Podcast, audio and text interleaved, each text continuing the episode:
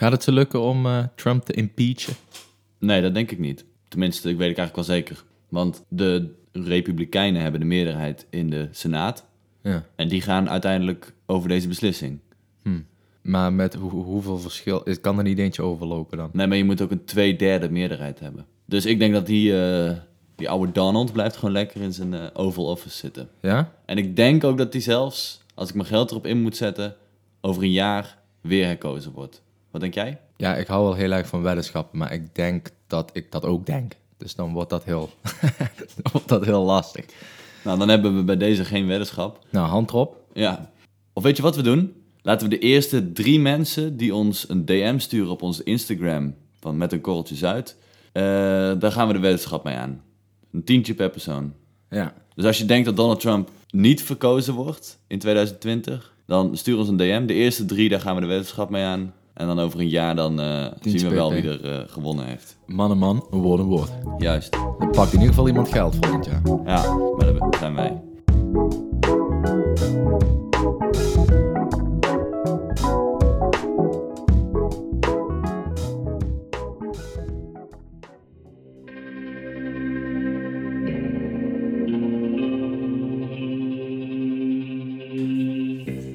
Ebola, het ebola-virus, dat ken jij. Ja.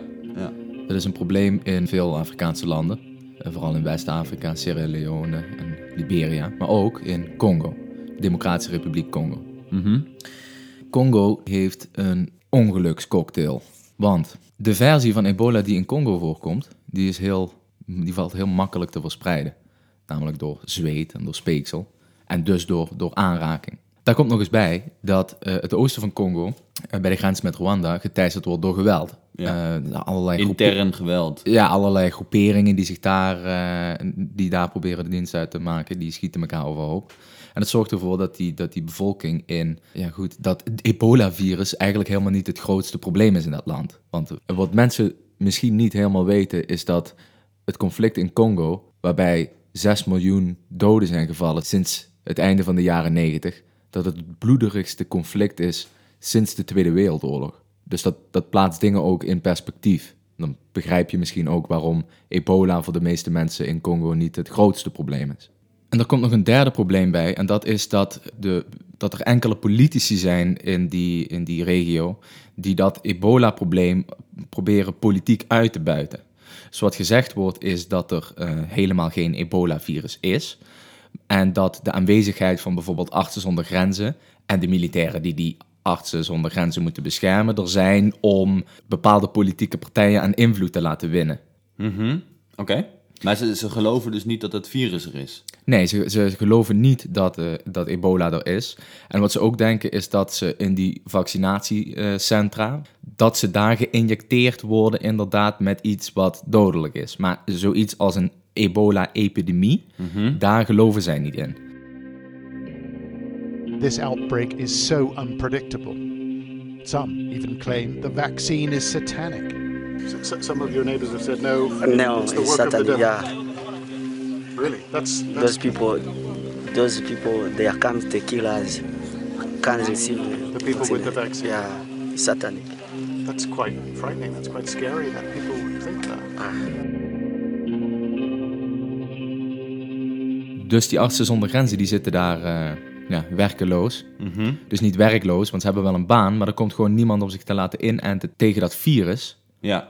Omdat ze op internet hebben gelezen, op, via WhatsApp groepberichten hebben gelezen, dat dat een, een fabeltje is, een hoax is. Een van buitenaf gestuurde eh, methode om in politiek aanzien te winnen. Ja. Dus die mensen denken, als ik naar zo'n vaccinatiecentrum ga, dan kom ik er in een, in een doodskist uit. Juist, ja. En, jij, en jij zegt, deze, dit nepnieuws is gevoed vanuit een politiek motief. Ja, en je hebt dus ook- politici die het eh, aan zich niet, die natuurlijk aan zich wel het bestaan van dat ebola-virus erkennen, maar omdat ze bang zijn om hun achterban te verliezen, eh, zullen ze niet, eh, gaan ze zeg maar mee in, die, in, die, in dat verhaal. Zullen, zij niet, zullen ze daar niet, in die mythe inderdaad, ze zullen ze daar niet tegen ingaan. Eh, ja, het, goed, het gaat natuurlijk de laatste tijd in de media superveel over, over nepnieuws en dat soort zaken. Maar dit is wel even een concreet voorbeeld van eh, verspreid nepnieuws waar dagelijks eh, doden bij vallen. Ja, ja, ja, ja. Maar tegenwoordig is het dus een kwestie van een, een spuitje en dan ben je Nou ingeënt. Ja, dat is wel een spuitje waar je dan natuurlijk, hè, zo werkt het altijd bij een virus, dan krijg je zelf eventjes Ja. kort eh, de, De symptomen. de symptomen. En dan, eh, Dus dit is eigenlijk een heel concreet voorbeeld van hoe nepnieuws een, een heftige impact in een samenleving heeft. ja, juist. Dit doet mij denken aan mijn ervaring in Apulië afgelopen zomer. Apulië is de regio in Italië die de hak van de laars vormt. En daar speelt zich eigenlijk een vergelijkbaar probleem af met betrekking tot die perceptie van he- het nieuws en de feiten. In Apulië hebben de meeste mensen eh, wel een olijfboom in de achtertuin staan. En het is, er zijn zoveel olijfbomen daar dat eh 40% van alle Italiaanse olijfolie uit Apulië komt. Er staan daar miljoenen bomen. Maar dat zal niet komen van die bomen in de achtertuin. Dat zal wel grote Nee, er zijn heel veel- olijfolieproducenten. Ja, er zijn heel veel boeren die gewoon Ja, ja. honderden olijfbomen hebben. En veel van die bomen zijn echt oud. Echt eh, 1500 jaar oud. Oh, Dus die... eh, Wat? Ja, die staan daar gewoon, die staan er dus al sinds het einde van de Romeinse tijd. Dus ehm, wat is daar aan de hand? In 2013 werd er op een boerderij, een olijfboomboerderij, in de buurt van het stadje Gallipoli een vreemd virus ontdekt. Langzaam maar zeker begonnen bomen te sterven. Dit leek in eerste instantie niet eh, per se een groot probleem, maar langzaam maar zeker werd duidelijk dat dit virus zich aan het verspreiden was. En begon steeds heftiger om zich heen te slaan. Dit virus werd eh, vrij snel eh, duidelijk wat dat voor virus was. Althans, er zijn gewoon onderzoekers naar dat gebied gestuurd die hebben geconstateerd: oké, het gaat om Xylella fastidiosa.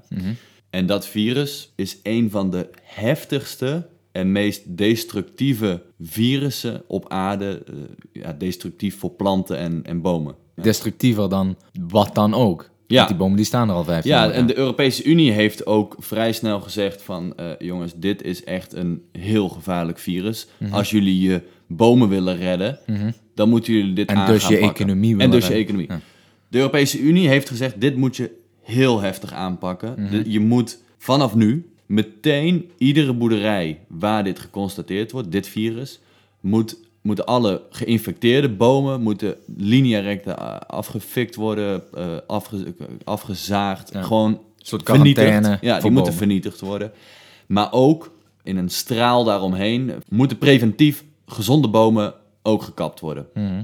En hier begint zich eigenlijk een cocktail te vormen van nostalgie, emotie en nepnieuws. Mhm. Want je moet je, eh, zoals ik zei, je moet je indenken, die bomen zijn 1500 jaar oud soms. Die zitten al generaties lang in een familie. Mhm. En dan gaat de Europese Commissie zeggen, jongens, bij jouw buurman is dat virus geconstateerd. Jij moet al je bomen omzagen. Ja. Dat werd ontvangen met een flinke dosis sceptisch door die boeren. Want die zeiden, ja, ik geloof dat gewoon niet. Ja. Plus, daarnaast ook nog het, het probleem van dit Xylella-virus... is dat zodra het, een, een boom geïnfecteerd wordt... kan die boom de, gedurende ongeveer vijf jaar... gewoon nog gezond olijven produceren. Het is gewoon geïnfecteerd en zal binnen vijf jaar sterven. Die boeren denken, ja, ik kan of nu mijn boom platbranden... en ik weet niet wat er dan gebeurt... Of eh, ik heb nog vijf jaar lang inkomsten en we zien daarna wel. Dus die boeren waren vrij sceptisch. Die waren, eh, ja, die geloofden het ook niet helemaal. Want die denken, jongens, ik, eh, ik en mijn familie doen dit al, Duizenden jaren. ja, ja letterlijk duizenden jaren. Wat weten die, die technocraten, die bureaucraten in Brussel hier nou over? Wij weten dit toch veel beter. Ja. En Nou, wie zijn zij om te bepalen dat ik mijn inkomstenbron hier moet eh, gaan afvakkelen? Precies, precies. En dit werd nog eens gevoed doordat eh, lokale politici, die veel stemmen ontvingen van de, de boeren, ja, eigenlijk meegingen in die redenering van die boeren. Die zeiden, ja, inderdaad jongens, eh, dat virus waar ze het over hebben, ja, ik weet niet of het wel bestaat hoor. Maar deden ze dat eh, zeg maar tegen beter weten in? Of hadden ze, de- hadden ze ook hun oprechte twijfels bij het feit dat Brussel het niet aan het rechte eind had? Ja, dit is lastig, want ik kan natuurlijk niet in het hoofd van die politici kijken. Dus ik weet niet of zij oprecht dachten dat dat virus, dat dat eh, onzin was. Maar wat vermoed je? Ja, nou, ik weet wel dat er de, de leider van eh, de Vijf Sterrenbeweging, dat is een van de grootste partijen in Italië. Dus dat is niet een lokale politicus, Nee, nee, dat maar de, de, leider, gewoon de leider van een, een pa- partij. Die, heeft gewoon... Die nee, dit is eh, Beppe Grillo. Oh ja, Beppe Grillo. Die heeft gewoon gezegd, eh, ja jongens, ik geloof gewoon niet dat het bestaat. Dus van hem, weet je, dit is niet een, een, koekenbakker. Dit is wel een, een, een man waarvan ik van uitga dat hij zich inleest in bepaalde onderwerpen. Vervolgens dachten die boeren natuurlijk, ik moet op hem stemmen, want hij Ja, heeft het... precies, precies. En Rome en ook de Europese Unie stuurden toch onderzoekers naar dat gebied om dat virus te begrijpen en hoe, hoe, kunnen we, hoe kunnen we dit aanpakken. Maar die onderzoekers die stuiten dus op enorme weerstand in, in dat gebied. Die kregen eh, te horen van, jongens, ja, jullie onderzoekers, jullie zitten hier alleen maar dit te onderzoeken en jullie zitten alleen maar dit te verkondigen, zodat jij meer funding krijgt voor je onderzoek. Want als het natuurlijk echt geen virus was en jij als onderzoeker verzint een virus, ja, dan krijg je steeds meer sponsoring en fun- eh, funds van de Europese Unie. Dat was zeg maar de redenering van... eh, De lokale Pugliese politici. ja, ja.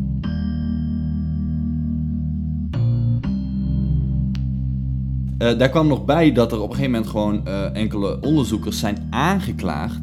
Omdat eh, ze zeiden, jullie zijn hier alleen maar ehm, angst aan het verspreiden. Jullie zijn hier alleen maar bezig om laster te verspreiden. Uiteindelijk vrijgesproken omdat er geen bewijs voor was. En zij inderdaad wel echt een virus ontdekt hadden.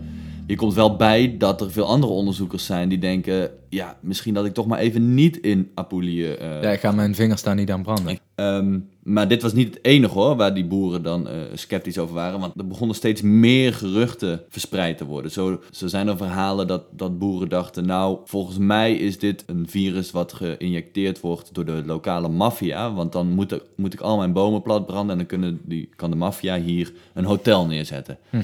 Ehm, ik heb verhalen gelezen over dat ze dachten dat het de Joden uit Israël waren. Die daar dan ook inderdaad met vastgoed eh, aan de slag wilden. Er zijn allerlei wilde westen verhalen.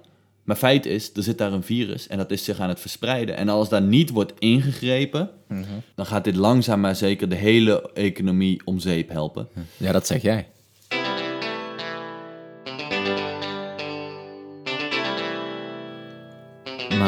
Is de remedie niet gewoon kritisch zijn? Dat je gewoon wat kritischer bent tegenover wat je allemaal consumeert aan nieuws? Ja, dat, dat denk ik wel. Ja, alleen het is natuurlijk, het probleem met kritisch zijn is dat je natuurlijk een zwart gat inspringt waar je steeds verder induikt. Ik bedoel, jij en ik weten wij heel zeker dat het ebola-virus bestaat. Ja goed, ik heb het zelf niet gehad. En ik Nou, maar ben daar zelf niet, nee, geweest. precies.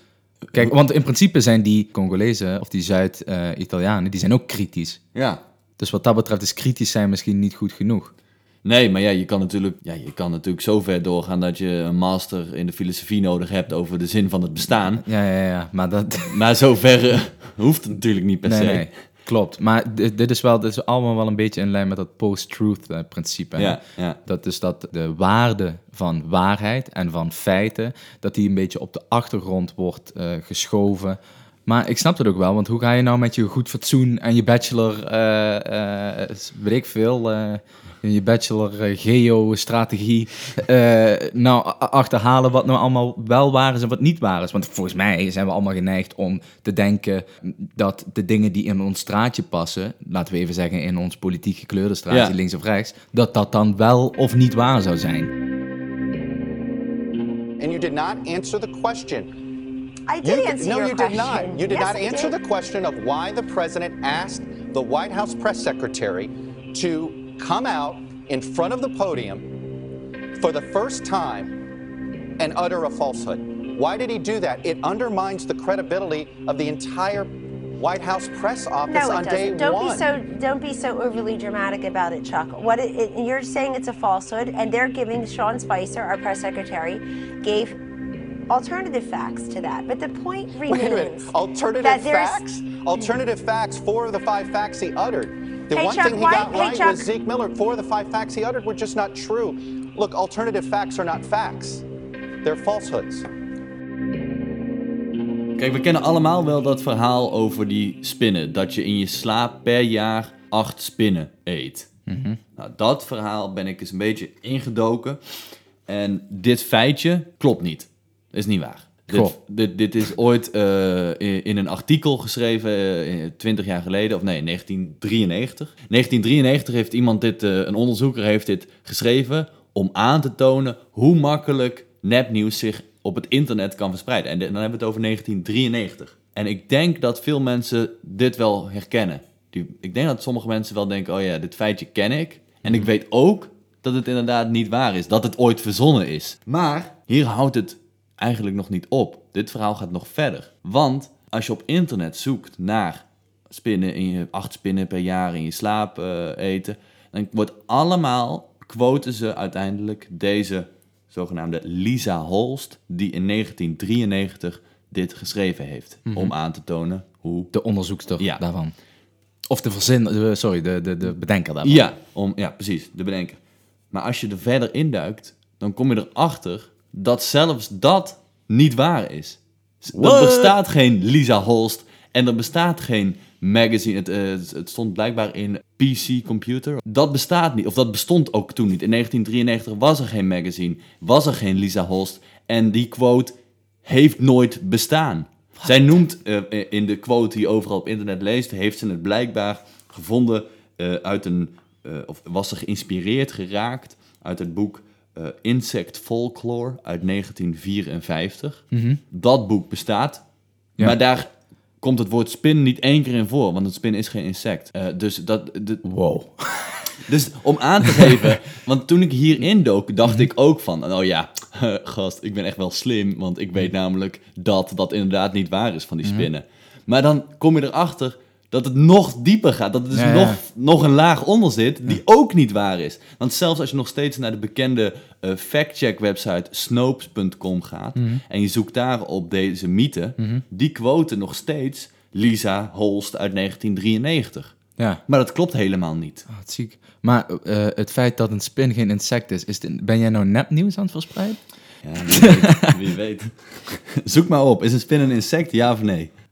Eh, maar nu toch even terug naar, dat, eh, even naar de, naar, de, naar de bigger picture. Ja, Want van het nepnieuws. ja, van nepnieuws.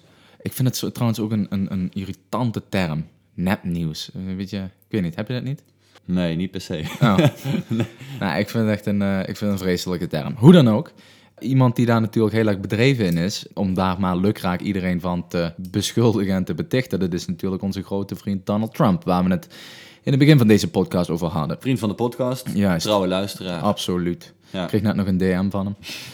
Hoe dan ook, hij wordt ervan verdacht dat zijn eh, verkiezingscampagne met behulp van nepnieuws gewonnen werd. Ja.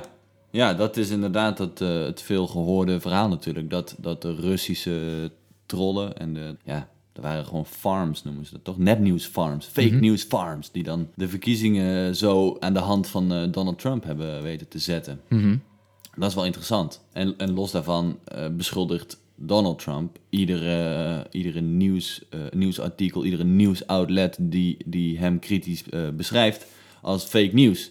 Ja, Dus het gaat eigenlijk twee kanten op. Maar wacht eventjes. Is er, is er een soort algehele consensus over het feit dat eh, Donald Trump zijn, zijn een, een soort doorgestoken kaartcampagne heeft gevoerd?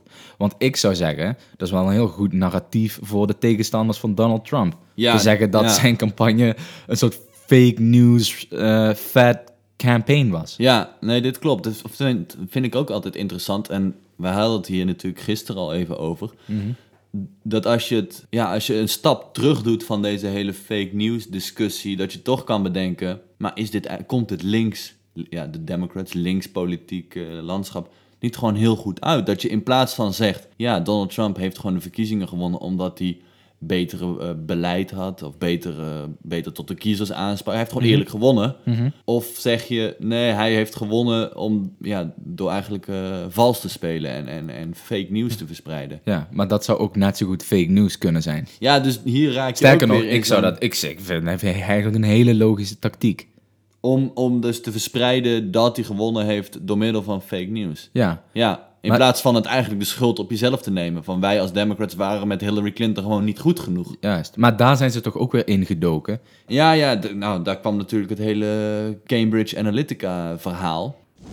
Tonight, we're hearing from Cambridge Analytica, a company now accused of using the private data of tens of millions of Facebook users to directly target potential American voters. En dat is ook wel weer interessant, want daar wordt natuurlijk al drie jaar lang over geschreven. En, en dat, be- maar even voor de, voor de luisteraar. Wat is Cambridge Analytica? ja, dat was een, En voor mij een, ook. een campagnebedrijf, een, een data-analistenbedrijf, Mhm. dat zei van wij hebben zo'n ontzettende database aan, aan data, aan, vol, aan, aan mensen, Mhm. potentiële kiezers. En wij kunnen aan het Facebook-gedrag en aan het online gedrag van al die mensen kunnen wij zien, kunnen wij hele profielen schetsen van Ja. mensen. En zo kun je dus En hoe zij beïnvloed moeten worden. Precies. Om, En als je dan dus een groep mensen eruit haalt die misschien Hillary Clinton gaat stemmen, maar misschien ook Donald Trump, die dus een beetje ertussenin zitten. Als je die helemaal gaat targeten, heel gericht gaat eh, bestoken met eh, reclame, nou zeggen zij, die gaan dan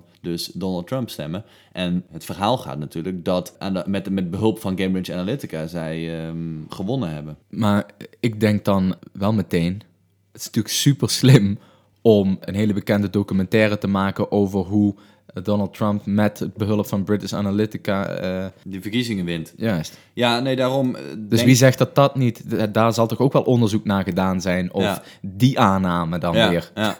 fake news is of niet. Nou, of er zijn, waar is er of zijn dus eh, data-analytici, zeg ik dat goed zo? Mhm. data-analytici, eh, die toegang hebben gehad tot die database van Cambridge Analytica. En die zeggen dat hele verhaal wat eigenlijk al drie jaar lang rondgaat in de media, dat dit zo heftig is, dat is volledig buiten uit proporties geblazen. Mhm. Dat Cambridge Analytica, die data die zij hebben, is helemaal niet zo, zo accuraat en zo heftig. Want Mhm. het eigenlijk wat, het, wat de media al drie jaar lang doet, is de reclamecampagne van Cambridge Analytica, die herhalen. Mhm. Ja, je- dat is, dat is eigenlijk hetzelfde als eh, WC Eend. Wij van WC Eend vinden WC Eend de beste. En dat de hele media dan zegt, ja, eh, om je wc schoon te krijgen moet je echt... WC Eend is echt het beste product wat er Mhm. is. Nou, zo hebben ze dat eigenlijk met Cambridge Analytica gedaan, zonder ook echt te testen of dat nou echt zo is. En daar komt nog bij, want ik heb, ben er een beetje ingedoken. En ik stuitte op het artikel ehm, van Elcott en Gensco. Alcott en Gensco klinkt eerder als een snowboardmerk. Ja. maar die onderschrijven dus eigenlijk hetzelfde wat die critici zeggen, die data-analytici. Dat dat hele fake nieuws, dat dat helemaal niet zo'n heel heftige impact had op de verkiezingen in 2016. En al helemaal niet zo'n heftige impact om daarmee ook ja, eh, te pivoten. Dus dat het, als het zich niet had voorgedaan dat Hillary Clinton dan was eh, verkozen en als gevolg van dat fake nieuws dat Ja, daardoor Donald Trump is. Zij zeggen dat is helemaal niet zo. Dus dat die impact van die campagne helemaal niet relevant genoeg of niet, niet impactvol genoeg was om eh, het balletje de Ja, andere kant ja. op te laten Nou, in ieder geval de, ja, het fake nieuws eh, eh, campagne, deel van de campagne. Maar goed, kijk, een beetje in lijn met de hele podcast denk ik nu ook weer van ja, maar dit is ook maar weer gewoon een onderzoek, toch? Zoekt niet iedereen die iets wil, eh, die iets wil zeggen of die de mening van mensen wil veranderen of die het politieke debat wil beïnvloeden, mensen wil sturen, et cetera, you name it.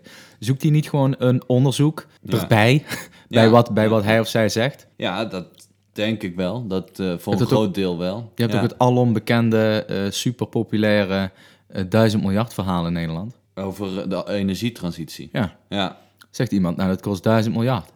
ja. Zonder dat daarbij dus, zonder dat daarbij een onderzoek geleverd hoeft te worden, want je mag dat gewoon zeggen. Ja, Snap je? Ja, ja. En het punt is nou dat als nou straks uit een onderzoekje blijkt, wat dan een journalist vast en zeker zal publiceren in een of ander krantje, dat dat geen duizend miljard is, dan is het kwaad natuurlijk wel geschied. Want Ja. dat wat hij of zij wilde, nou, hij in dit geval, Thierry Baudet, wilde bewerkstelligen, is dat mensen gaan geloven wat hij zegt. ja, ja. En de, ja, mensen, als dat eenmaal erin zit, dan zullen mensen zich door een eh, telegraafjournalist niet... eh, nou, dat zal in dit geval een eh, volkskrantjournalist zijn, Ja. of van de trouw. Ja. Dan zullen zij zich niet omver laten werpen. Nee, dat denk dus dat is wel heel handig. Ja, hetzelfde wat Boris Johnson deed in de, de Brexit-campagne. Hij had Mhm. gewoon een, een bus gehuurd en daar plakte hij met koeienletters op. iedere week sturen wij 320 miljoen pond naar, de, naar Brussel. Zoveel kost de EU ons. Dat is een iets betere slogan dan dat het er nu bij Mhm. mij uitkomt. Maar je snapt het idee. Was ook iets korter. Was iets korter. Maar dat bleek dus niet waar achteraf. Dat werd nagerekend en dat klopt gewoon niet. Dat is gewoon objectief niet waar. Ja. Maar het doel was al gehaald, namelijk het stond op iedere voorpagina. Die bus was al heel Londen doorgereden. Fotografen hadden er al duizenden foto's van gemaakt. Stond op Facebook, internet. Et Ga zo cetera. maar door. En ja, als daar dan achteraf nog een krantenartikel over komt die zegt, eh, ja, het klopt dus niet. Dat heeft een veel minder grote lading. Dus wat, wat moeten we nou? Nou ja, je moet kritisch blijven, want ik, ik Ja, maar kritisch hier- blijven. Ik bedoel, de Oost-Congolezen zijn ook gewoon kritisch. Ja, je moet... Nou, kijk, er zit natuurlijk een verschil in, denk ik, tussen aan de ene kant een keer een gerucht horen en daarmee eh, dat volledig voor waar aannemen. En aan de andere kant, zoals ik zei, een master volgen met een, waarin je een teaser schrijft over wat nou de zingeving van het bestaan is of de essentie van het zijn is. Dus da- daar zit een... daar Zet aan, een- aan verschil. daar zit een spectrum, eh, hebben we het dan over. Dus ik denk dat je je daar op dat spectrum moet begeven. En Dan het liefst een beetje naar die iets wat eh doordachtere kant. ja, want bijvoorbeeld, beste podcastluisteraars, ik heb het hier net over een artikel van Elcott en Gensco. Dat is gewoon onzin. Bestaat helemaal niet. Het, het best, ik zeg dat het bestaat, maar weet jij ook of het Ik geloof bestaat? er niks van. Volgens mij bestaat het helemaal niet. Ja, precies. Daarom. Je neemt het eigenlijk heel snel voor waar aan. Ja. Maar dat, zo doe ik dat en jij ook. Ja, nee, het bestaat trouwens wel, hè, luisteraars. Het bestaat gewoon. Nee, het bestaat niet. Nee? Nee, nee, nee. ja, of wel. Zoek het op. Wat vertelde jij nou laatst over eh, zo'n WhatsApp mob lynching? Ah ja, in, in India. Ja, Ja, ze dat? hebben... WhatsApp heeft die forwarding functie eh, aangepast. Dat je nu, als je dus een, een bericht doorstuurt naar iemand anders, dan staat daar in het bericht toch bij doorgestuurd. doorgestuurd. Ja. Dat is eh, het, het resultaat van een aantal problemen die zich in India hebben voorgedaan. Facebook is taking action after rumors spread by its messaging service WhatsApp in India triggered several mob killings. On Friday, the wildly popular app said it's rolling out a global test to limit forwarded messages. India is WhatsApp's biggest market with more than 200 million users. However, false messages about child abductors have led to lynch mobs beating more than a dozen people in India this year, some of whom died.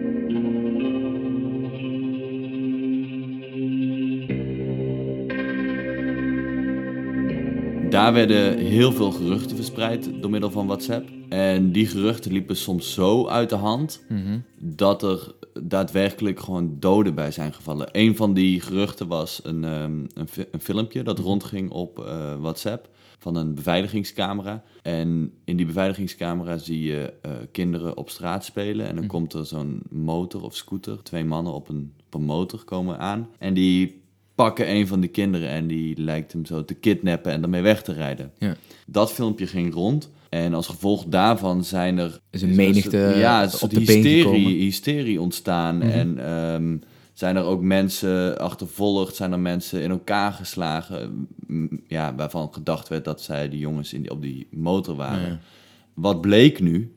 Dit filmpje, dit beveiligingscamera filmpje, wat daarin gebeurde, was eh, sowieso niet in India, was in Pakistan. Maar was, een, was gewoon een, een filmset waarin een, een, fil- een reclamefilmpje werd opgenomen. Juist om mensen ervan bewust te maken hoe makkelijk kinderen op straat gekidnapt worden. Maar dus het daadwerkelijke beveiligingsfilmpje wat rondging op WhatsApp, waren gewoon de acteurs en de kinderen. En, en, en dat, was heel, dat was gewoon gestaged. Dat was helemaal niet. En daar zijn doden bij gevallen, zeg jij. Ja, nou ja, als gevolg van die verspreiding op WhatsApp. Ja, ja. En het, het eh, ironische is, na deze hysterie, die mass-hysterie die hiervan ontstond, heeft de Indiase overheid eh, besloten, we moeten hier iets aan doen. En die hadden bedacht om dan auto's door dorpen en steden te laten rijden met megafoons op het dak.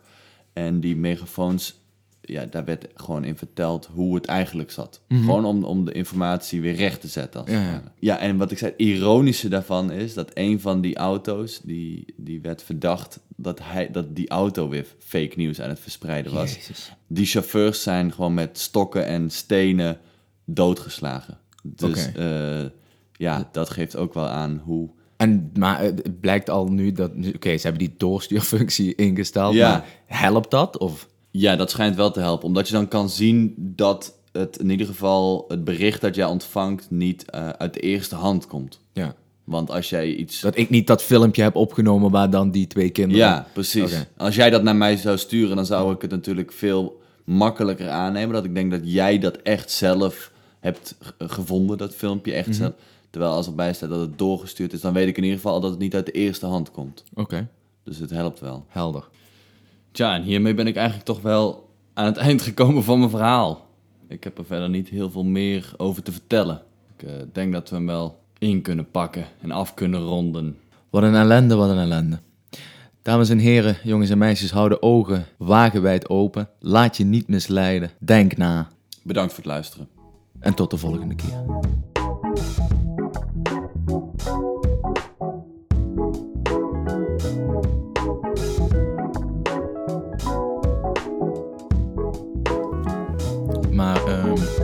Na het maken van deze podcast is me wel een soort bezwaard gevoel bekropen dat alles wat jij zegt misschien niet waar is. Ja, klopt. Misschien is het ook onzin wat ik vertel. Of wat jij vertelt. Maar Wow, hoe, hoe kunnen we dan, Wow. hoe moeten we dan verder, Auke? Ik heb echt al mijn vertrouwen in jouw kennis Ja, gelegd. ik heb me net ingeschreven aan de UvA voor een master eh, in filosofie eh, over de zin van het zijn. Dus de master filosofie zin van het zijn. Bel me even als je daar je diploma uitreikt. Bedankt voor het luisteren. Tot eh, volgende week. You.